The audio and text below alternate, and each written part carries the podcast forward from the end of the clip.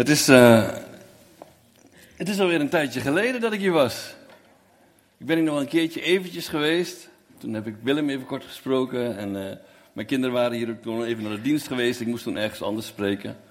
Maar, uh, maar het is goed om weer zoveel bekende gezichten te zien. Maar ik zie niet alleen maar bekende gezichten. Ik zie ook gezichten die, die mij volgens mij nog steeds niet kennen. Ik ben Samuel Raven. En ik heb vijf jaar gekerkt. Ook hier in Leef en gewoond hier in Zutphen.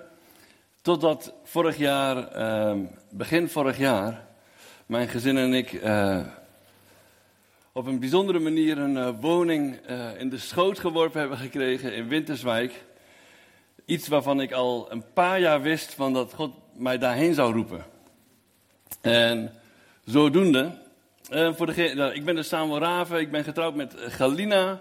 En Galina is de dochter van Hans en Sari. Voor degenen die ons nog niet kennen. De meeste wel, maar er zitten een aantal mensen bij die ik niet ken. Um, en we hebben drie kinderen dus. Mijn oudste, Jaisa, de middelste Simga en mijn jongste, dat is Ephraim. Wij zijn um, um, in 2017, begin 2017, in februari, zijn wij hier in Zutphen toen uh, terechtgekomen. Na zes jaar in de zending te hebben gezeten in Curaçao. Daar hebben we een gezinshuis gerund.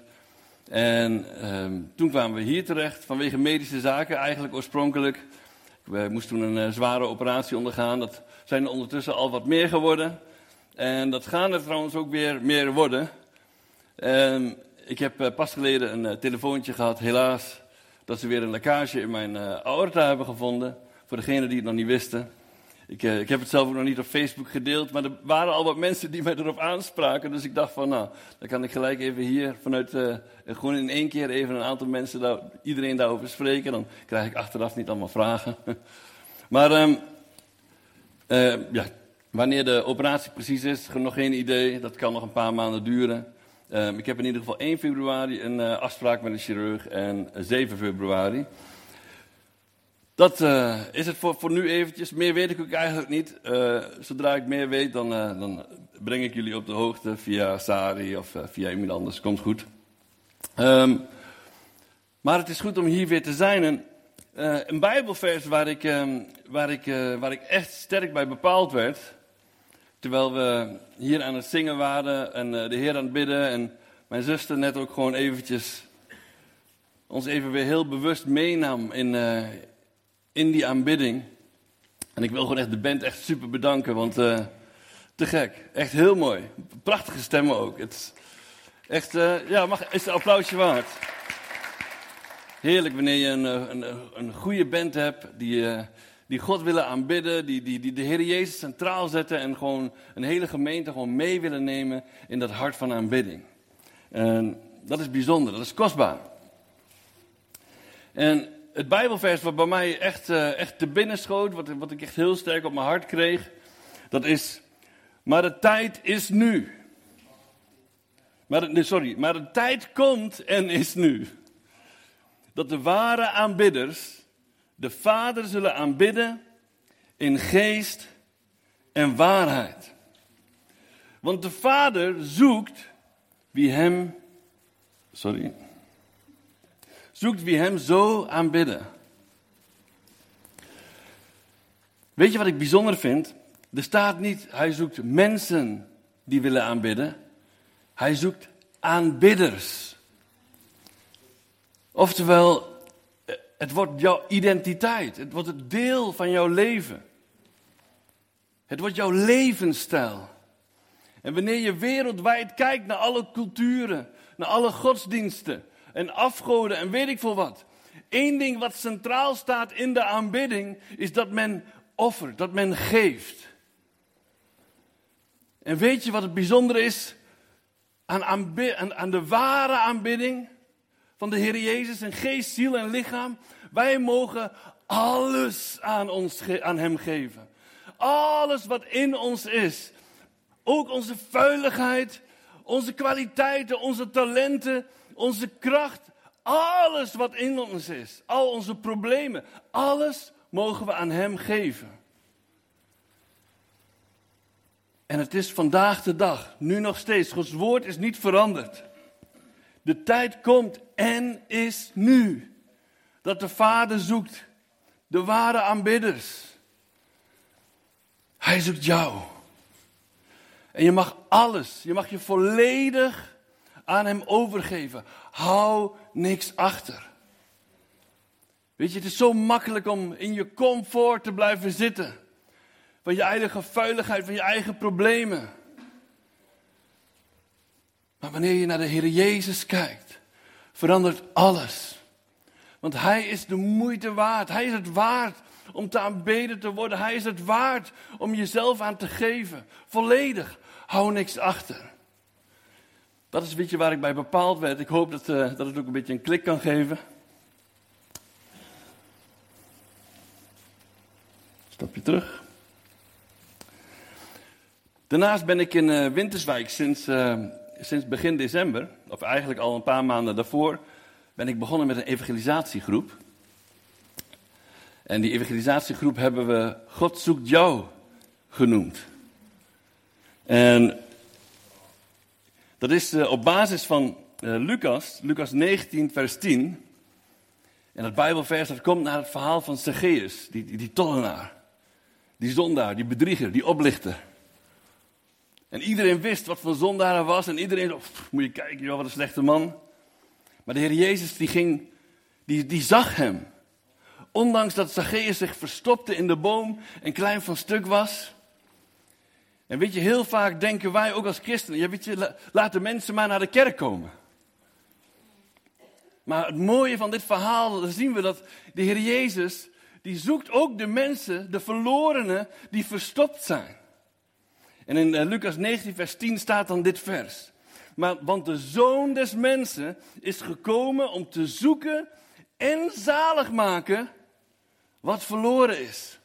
Nou, zalig maken, weet je, dat tegenwoordig dan denken we aan een lekkere maaltijd. Oh, zalig. Heerlijk. Maar weet je, hier vanuit de grondtekst gezien kan dit vertaald worden als, als om te redden wat verloren is. Maar ook al om te genezen wat verloren is. Om te bevrijden wat verloren is. En vanuit dat, die hartsgesteldheid zijn we deze groep gaan samenstellen. En zijn we begonnen om uh, Winterswijk in ieder geval één keer per week in te gaan. En mensen aan te spreken. En in ieder geval het goede nieuws te vertellen. Maar ook gewoon geleid door de Heilige Geest. Wetende dat Hij aan het zoeken is. Dat is een, hij is daar actief mee bezig. Hij zoekt. En ook al zijn de verloren mensen misschien verstopt en eenzaam in hun huizen. De Heilige Geest wil ons daarin leiden om uit te gaan en te zoeken wie verloren is. Want het hart van Jezus is niet veranderd. En als jouw hart klopt voor datgene waar het hart van Jezus klopt, man, dan, dan wil je ook aan de Heer, Heer, open mijn ogen opdat ik die verloren mensen mag zien. Leid mij. Help mij zoeken naar die mensen die openstaan, die klaar zijn. Die, die in nood zitten, die in de put zitten en die hulp nodig hebben. Open mijn ogen daarvoor. En met die hartsgesteldheid zijn we uitgestapt. Nou weet je, we zijn nu al uh, een tijdje bezig nu. En in één keer krijg je dan het nieuws van die operatie. Nou, ik zal je heel eerlijk zeggen, ik maak me niet druk, ik maak me geen zorgen. Want ik weet waarom ik daar ben. Mijn, mijn taak daar is nog niet klaar. Ik ga gewoon lekker door. Dus ik, ik, ik, heb, wel, ik heb wel vaker hier voor, uh, voor dit hete vuur gestaan. Hier kom ik ook wel weer doorheen. En ik ga niet stoppen. Ik ga gewoon door. Ik zie dit als een geestelijke obstakel. Het is gewoon de boze die ons wil ontmoedigen. Die ons weer passief wil maken. Maar ik ga door. je, hij die in ons is, is meer dan die in de wereld is. Het, uh, het thema wat ik voor vanmorgen heb, dat is omkeren. En dan heb ik daar achteraan gezet een bijzondere verrichting. Nou, als uh, rijschoolleraar, rijinstructeur, ex weet ik, ja, voormalig, voormalig. Vorig jaar was je het nog. maar Willem, die weet er alles van. Het is, uh, ook bij rijles leer je ook de bijzondere verrichtingen. En een van die bijzondere verrichtingen is omkeren. En, De Heer Jezus praatte wel vaker ook in gelijkenissen. En een of andere manier vind ik dat ook gewoon leuk om te doen. Gewoon praktische voorbeelden erbij halen en daar dan een mooie vergelijking mee te maken. Want er zit een geestelijke les in het omkeren. En in Gods woord wordt dat omkeren wordt ook bekering genoemd. Bekering vanuit de grondtekst betekent ook gewoon omkeren. Je rug toekeren naar datgene wat niet goed is, wat je achter je wil laten. En wanneer je rug keert naar datgene wat je wil achter je laten, dan gaat jouw gezicht richting Jezus. Je gaat Jezus achterna, je gaat Hem volgen. Weet je, want soms dan, dan rijden we op de weg van het leven en zijn we een beetje in gedachten of zijn we druk bezig met de problemen, met dingen die ons bezighouden. En dat heb ik wel eens. Dan mis ik een afslag. Was ik zo in gedachten verzonken dat ik een beetje op zijn automaat rij. Vooral in een gebied waar ik dan vaker ben, waar ik vaker rij. Dan, uh, dan rij ik in één keer een route alsof ik weer naar de school van de kinderen ga, terwijl ik daar helemaal niet moet zijn. Ja, misschien ben ik de enige, maar ik heb daar last van.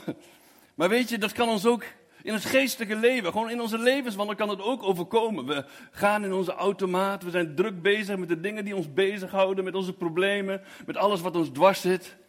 En voordat je het weet, voordat je het door hebt, heb je of een verkeerde afslag genomen. Nou, weet je, wanneer je een verkeerde afslag hebt genomen, weet je wat echt vervelend is? Nou, ten eerste, een, het is verkeerd, een verkeerde afslag.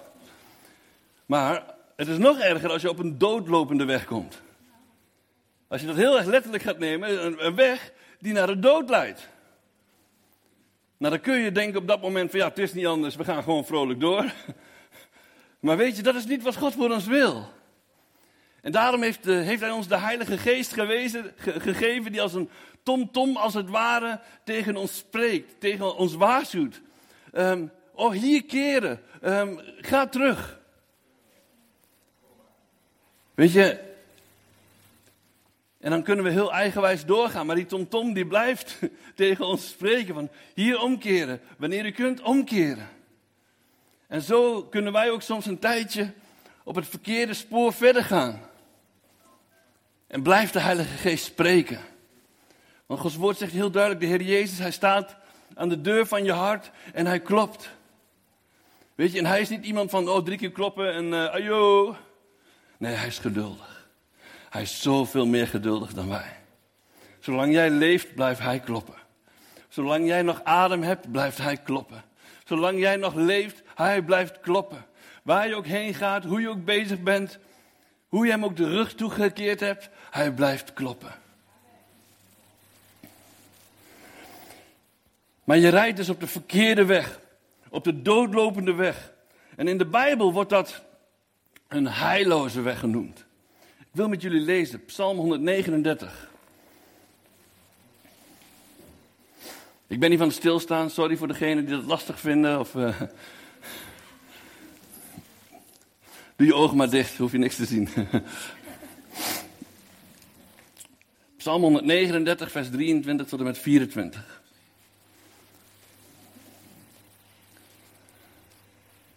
En dit is een gebed die wij zelf ook gewoon mogen bidden, ook als christen, ook als wedergeboren christen. Want ook bij ons kunnen soms de automatische piloot er soms dingen insluipen. Doorgrond mij, o God, en ken mijn hart. Toets mij en ken mijn gedachten. Zie of bij mij een heilloze weg is. En leid mij op de eeuwige weg. En die eeuwige weg is de weg die naar het leven leidt. Dat is geen doodlopende weg. Het is een weg die naar leven leidt. Dat is de weg die God voor jou heeft.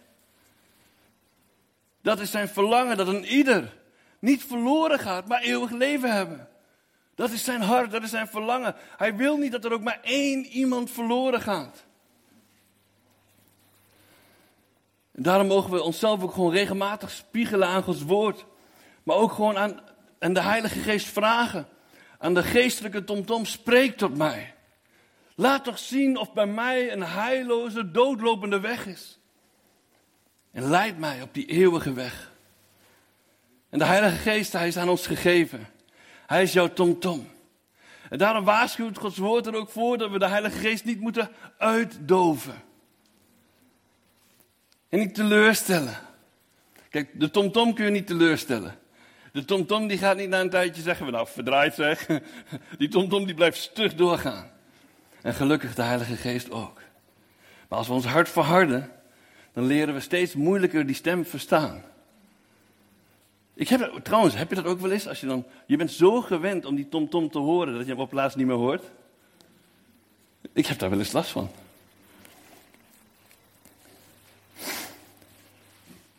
Maar je rijdt dus op de verkeerde weg, een doodlopende weg. Hoe keer je je dan om? Weet je, je komt tot de realisatie: hé, hey, wacht even. Deze weg die ik nu ben ingeslagen, is de verkeerde weg. Is niet goed.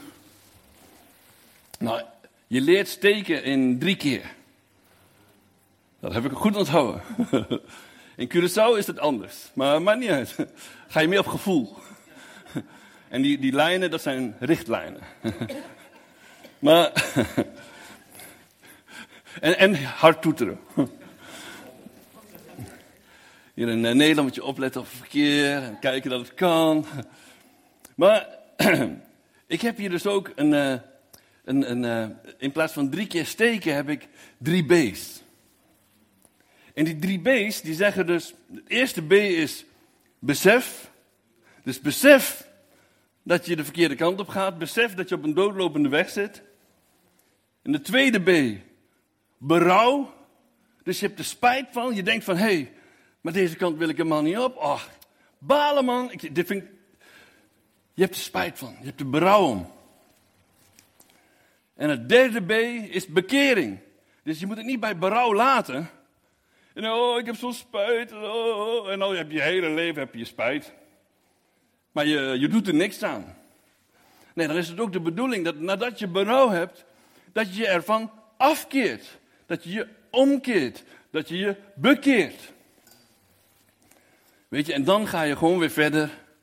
Wanneer je dat hebt gedaan, wanneer je weer naar Jezus toegekeerd hebt.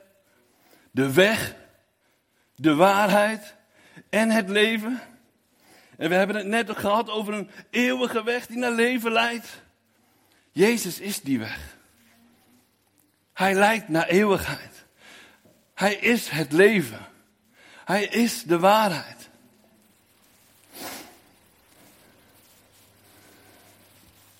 We gaan even naar Johannes. Johannes hoofdstuk 14.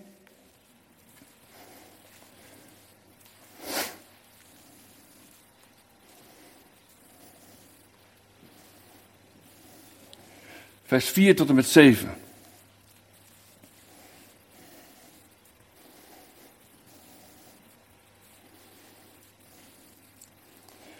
En hier zegt de Heer Jezus, en waar ik heen ga, weet u. En de weg, weet u. En Thomas zei tegen hem, Heere, wij weten niet waar u heen gaat. En hoe kunnen wij de weg weten? Jezus zei tegen hem, ik ben de weg, de waarheid en het leven. Niemand komt tot de Vader dan door mij. Als u mij gekend had, zou u ook mijn Vader gekend hebben. En van nu af kent u hem en u hebt u hem gezien. Wauw, wanneer jij de Heer Jezus kent, dan ken je de weg. Wanneer je de Heer Jezus hebt aangenomen, wanneer je de Heer Jezus hebt leren kennen. En ik heb het niet over een New Age Jezus of een gedachtespinsel Jezus. Weet je, je leert, je leert hem het beste kennen door het woord te lezen. De evangeliën staan vol van Jezus. Wie hij is, wat hij leerde. Je kunt niet zeggen, ik geloof in Jezus, maar niet weten wat hij heeft gezegd. Stel je voor, ik ken iemand niet, ik weet ook totaal niet wat hij heeft gezegd. En ik zeg, ik geloof hem. Hoe kun je nou zeggen, hoe kun je iemand geloven als je niet eens weet wat hij heeft gezegd? Nou, als je, als je nog niet weet wat hij, wat hij heeft geleerd, wat hij heeft gezegd, wat hij heeft gedaan, dan wil ik jou aanmoedigen. Het is een mooi begin om als een, een spiegel neer te leggen om te kijken of er een heilloze weg bij jou is. Want hij spreekt door zijn woord en hij laat onze ongerechtigheden daarin zien. De gebieden in ons leven waar wij ons nog van mogen afkeren. En wanneer we naar de Heer Jezus toe gaan, dan, dan zal Hij ons door zijn geest overtuigen van zonde en van oordeel. En er zijn mensen die zeggen, ja maar Samuel, weet je, ik ben 10, 20 of 30 jaar of 40 jaar of 50 jaar. Vul voor jezelf, ben ik al tot bekering gekomen. Nee, dat was het. Te gek. Maar weet je, ik zal je heel eerlijk zeggen. Gods woord zegt anders. Want waar jij het nu over hebt, dat is wedergeboorte. Dan ben je een kind van God geworden. Maar bekering is niet alleen maar iets wat je doet aan het begin van jouw leven met de Heer Jezus. Maar bekering is iets wat wij dagelijks mogen doen. Wie heeft wel eens openbaringen gelezen? Het is niet het makkelijkste boek. Maar dan weet je ook van de zeven brieven aan de gemeentes. En van de zeven, van de zeven gemeentes waren er maar twee. Oftewel, uh, van de zeven gemeentes. Sorry, ik heb mijn één hand uh, vol, sorry. Van de zeven gemeentes waren er maar twee die niet opgeroepen werden tot bekering. Oftewel, de meerderheid van de gemeentes in die tijd. En dan zou je zeggen, wauw, die gemeentes die waren, waren kort na het leven van Jezus. Dat waren de eerste gemeentes. Die waren bediend nog door de apostelen, door, de, door Paulus zelf. Maar zelfs die gemeentes kregen van de Heer Jezus zelf, door de profetie van Johannes, door openbaringen heen, kreeg ze een oproep tot bekering. Ik ga die brieven nou niet allemaal nalezen, dat mag je thuis zelf uitzoeken. Dus het is ook heel belangrijk in deze tijd nog steeds dat wij als gemeente ons mogen afvragen: hey, zijn er dingen waar wij ons van mogen bekeren in het licht van Gods woord? Immers kunnen wij zeggen: oh ja, maar wacht even, ik ben beter dan uh, Philadelphia, uh, dan Laodicea. Ik ben beter dan. Vul de naam van de gemeente maar in. Nee, we zijn, we zijn haar beter. En weet je wat ik het mooie vind?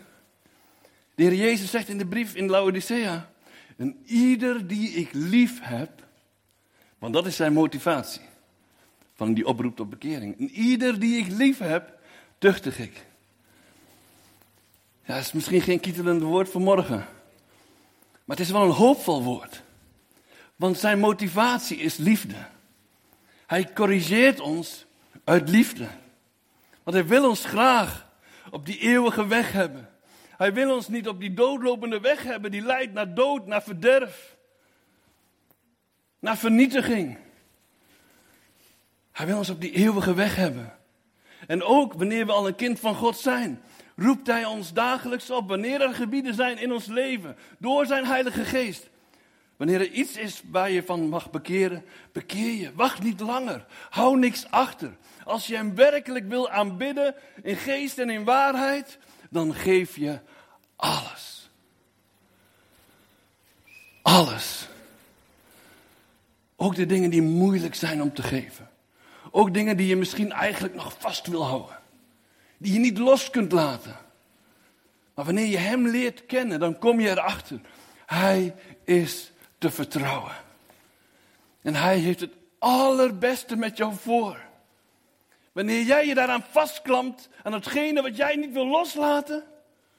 Man, het brengt jezelf alleen maar naar beneden. Het helpt je niet. Het maakt, het maakt je van binnen kapot. Maar de Heer Jezus, Hij wil meer voor jou. Hij wil beter voor jou. Hij wil die eeuwige weg voor jou. Hij wil leven en zegen en overvloed. Hou je niet in, geef alles. Jezus, hij is dus niet alleen maar de weg en de waarheid en het leven. Hij is het woord van God. En eigenlijk valt dat onder waarheid. Dat lees je in Johannes hoofdstuk 17, vers 17. Heiligen in uw waarheid, uw woord is de waarheid. Zie je hoe belangrijk Gods woord ook nog steeds is? En in Psalm 119, vers 105 staat ook: Uw woord is een lamp voor mijn voet. Nou, met rijles leer je ook, wanneer het donker wordt, na een bepaalde tijd, gaan die autolichten aan. Want als, je, als het pikken donker is en je rijdt in het buitengebied waar geen uitgebreide verlichting langs de wegen staan. Nou, ik kan je zeggen, ik rij wel eens in Duitsland. Daar heb je van die honderd wegen. En zelfs bij kruisingen geen lamp. Helemaal niks. En wanneer het pikken donker is, je moet echt goed opletten. Als ik mijn lampen niet aan had, had ik, was ik niet eens op de weg gebleven. Had ik helemaal niks gezien. Hoeft maar een beetje bewolkt te zijn s'nachts. Geen maanlicht, je ziet niks. Weet je, en God heeft zijn woord gegeven. Dat wij als een lamp voor onze voet mogen laten schijnen. Zodat we weten waarheen we moeten. Want wij weten dat niet van onszelf. We hebben Gods woord nodig. Gods woord spiegelt ons. Gods woord onderwijst ons. Gods woord wijst ons terecht. Niet om ons naar beneden te halen, nee, uit liefde. Want hij wil jou op die eeuwige weg.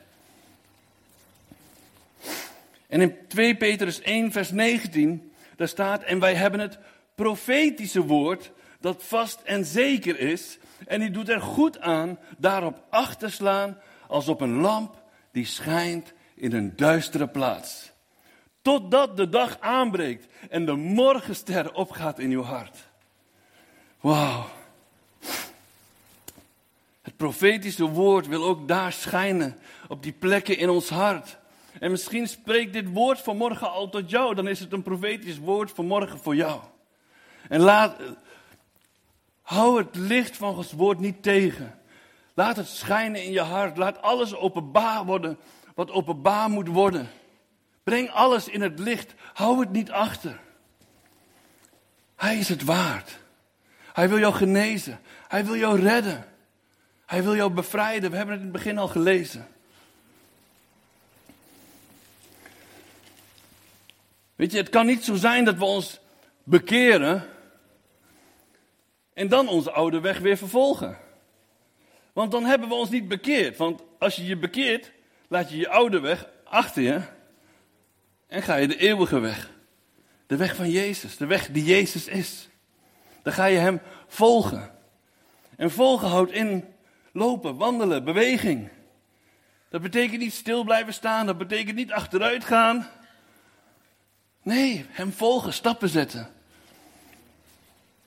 Oftewel, bekering brengt vruchten voort. Dat zeg ik niet hoor. Dat zegt als woord. In Matthäus hoofdstuk 3, vers 7 tot en 8.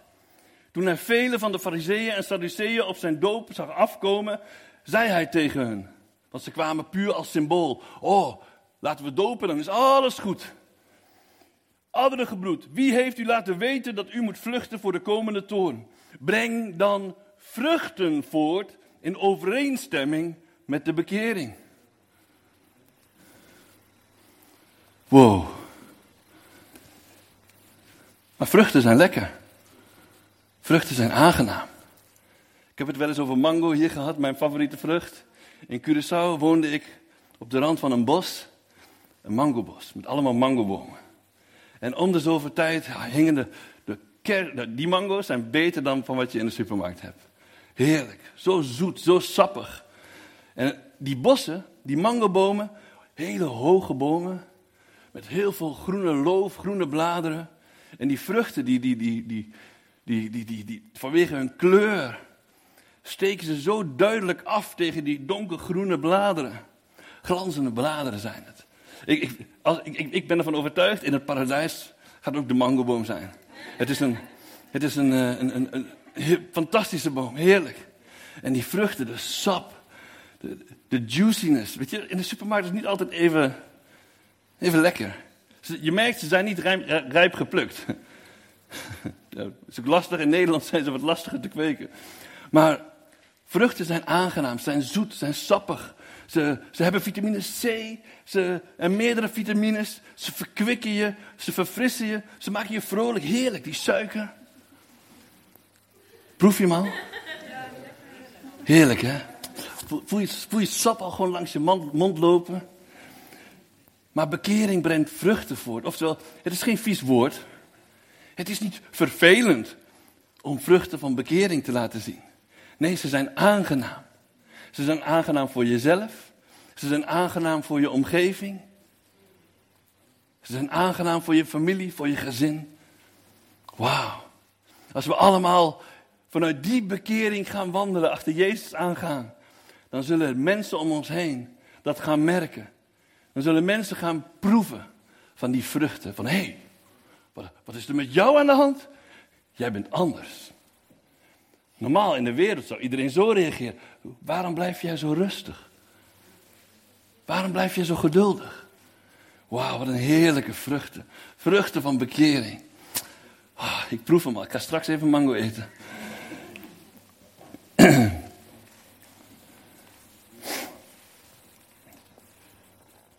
Helaas zullen er ook schijnvruchten zijn. Die zonder kracht zijn. En dat lees je in 2 Timotheus 3, vers 1 tot en met 5.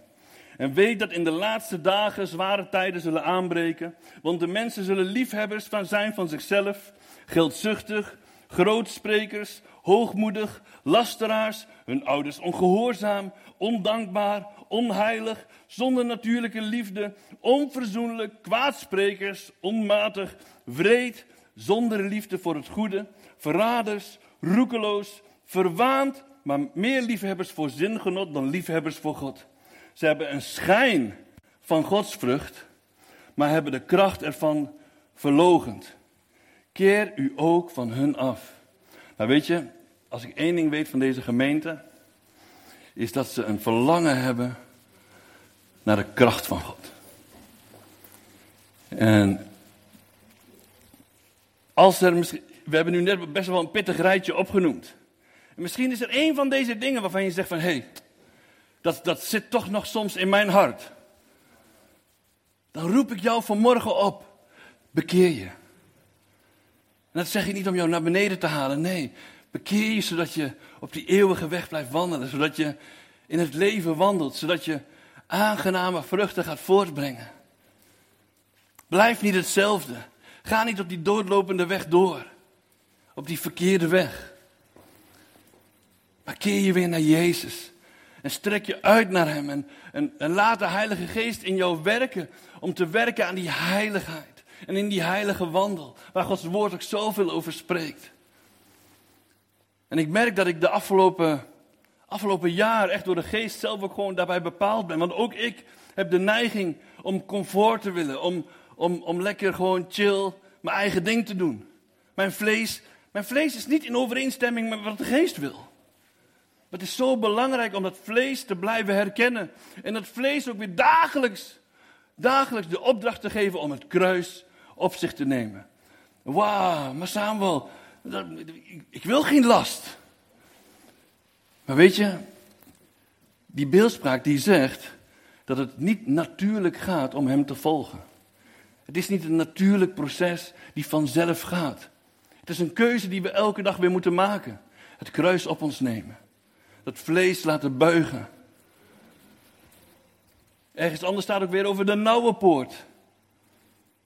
En de nauwe poort was niet alleen maar een hoge, smalle poort, was ook een lage, lage, smalle poort. Oftewel, je moet op je knieën, je moet bukken, je moet buigen. Buigen om die poort door te gaan. Jouw eigen vlees, jouw eigen ik, de troon waar wij soms zelf nog zitten in het hart van ons, die moet buigen. Want er is alleen maar plek voor koning Jezus. Als je die eeuwige weg op wil gaan, dan moet je buigen. Dan moet jouw eigen ik, jouw vlees moet buigen. Ik hoop dat ik jullie vanmorgen gewoon met dit woord heb kunnen bemoedigen, opbouwen, misschien ook terechtwijzen. Maar weet dat dit komt vanuit een hart van liefde. Want een ieder die hij lief heeft, duchtigt hij, corrigeert hij. En hij houdt van jullie, hij verlangt naar jullie. En hij wil met jullie bezig, hij heeft zijn heilige geest aan jullie gegeven, zodat jullie steeds meer en meer mogen gaan lijken op hem. Hij heeft de heilige geest niet gegeven als, een, als er iets leuks tijdens een braceavond of tijdens een dienst. Hij heeft de Heilige Geest gegeven zodat we heilig mogen leren wandelen. Niet door eigen kracht, maar door zijn kracht. En door zijn genade We zijn vrijgekocht van zonde. Vrijgekocht. De vrijheid waar Gods woord over spreekt is geen vrijheid om maar lekker in zonde te kunnen leven. Is een vrijheid. Wij zijn niet meer gebonden aan de zonde. We zijn vrijgemaakt van de zonde. En we hebben door de kracht van de Heilige Geest mogen we daar elke dag weer opnieuw voor kiezen. Ik wil daarvoor even een laatste vers nog lezen. Die schiet mij te binnen, sorry. Daar wil ik echt mee afsluiten. Staat in Klaagliederen. Hoofdstuk 3, vers 22. Het is de goede tierenheid van de Heer dat we niet omgekomen zijn. Dat, dat zijn barmhartigheden niet opgehouden is. Dat zijn barmhartigheid niet opgehouden is. Nieuw zijn ze, elke morgen. Groot is uw trouw. Mijn deel is de Heere, zegt mijn ziel. Daarom zal ik op Hem hopen. Goed is de Heere voor wie Hem verwacht, voor de ziel die Hem zoekt. In het Engels staat het nog mooier.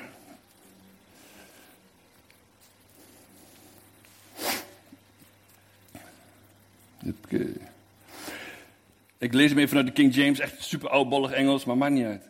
It is of the Lord's mercies that we are not consumed, because his compassions fail not. They are new every morning. Oftewel, misschien ben je gisteren gevallen, maar elke morgen opnieuw is zijn genade daar. Elke morgen opnieuw is zijn liefdevolle zorg voor jou als nieuw. Elke morgen krijg jij weer een schone lei. Elke morgen mag jij weer beslissen om je om te keren. Om te keren tegen die heilloze weg en naar Jezus toe gaan. En vrijmoedig, vrijmoedig mogen we naderen tot de troon der genade. Je hoeft je niet bang te zijn op afwijzing of wat dan ook. De Heer Jezus zal je nooit afwijzen. Ga naar Hem toe. En als er dingen zijn waar, waar je zelf niet uitkomt, waar je gewoon graag zou willen dat er gewoon mensen met je gaan bidden. Weet je, ook daarin, weet je, schroom je niet voor een broeder of een zuster. Wij allemaal zijn door periodes gegaan, door stormen in het leven. En plekken waar wij bekering van, van moesten, moesten, moesten zoeken, moesten, moesten nastreven. We staan naast elkaar, niet boven elkaar. Amen. Ga niet naar huis met een zorg of met een probleem. Maar ga naar je broers en zussen toe. God zegen.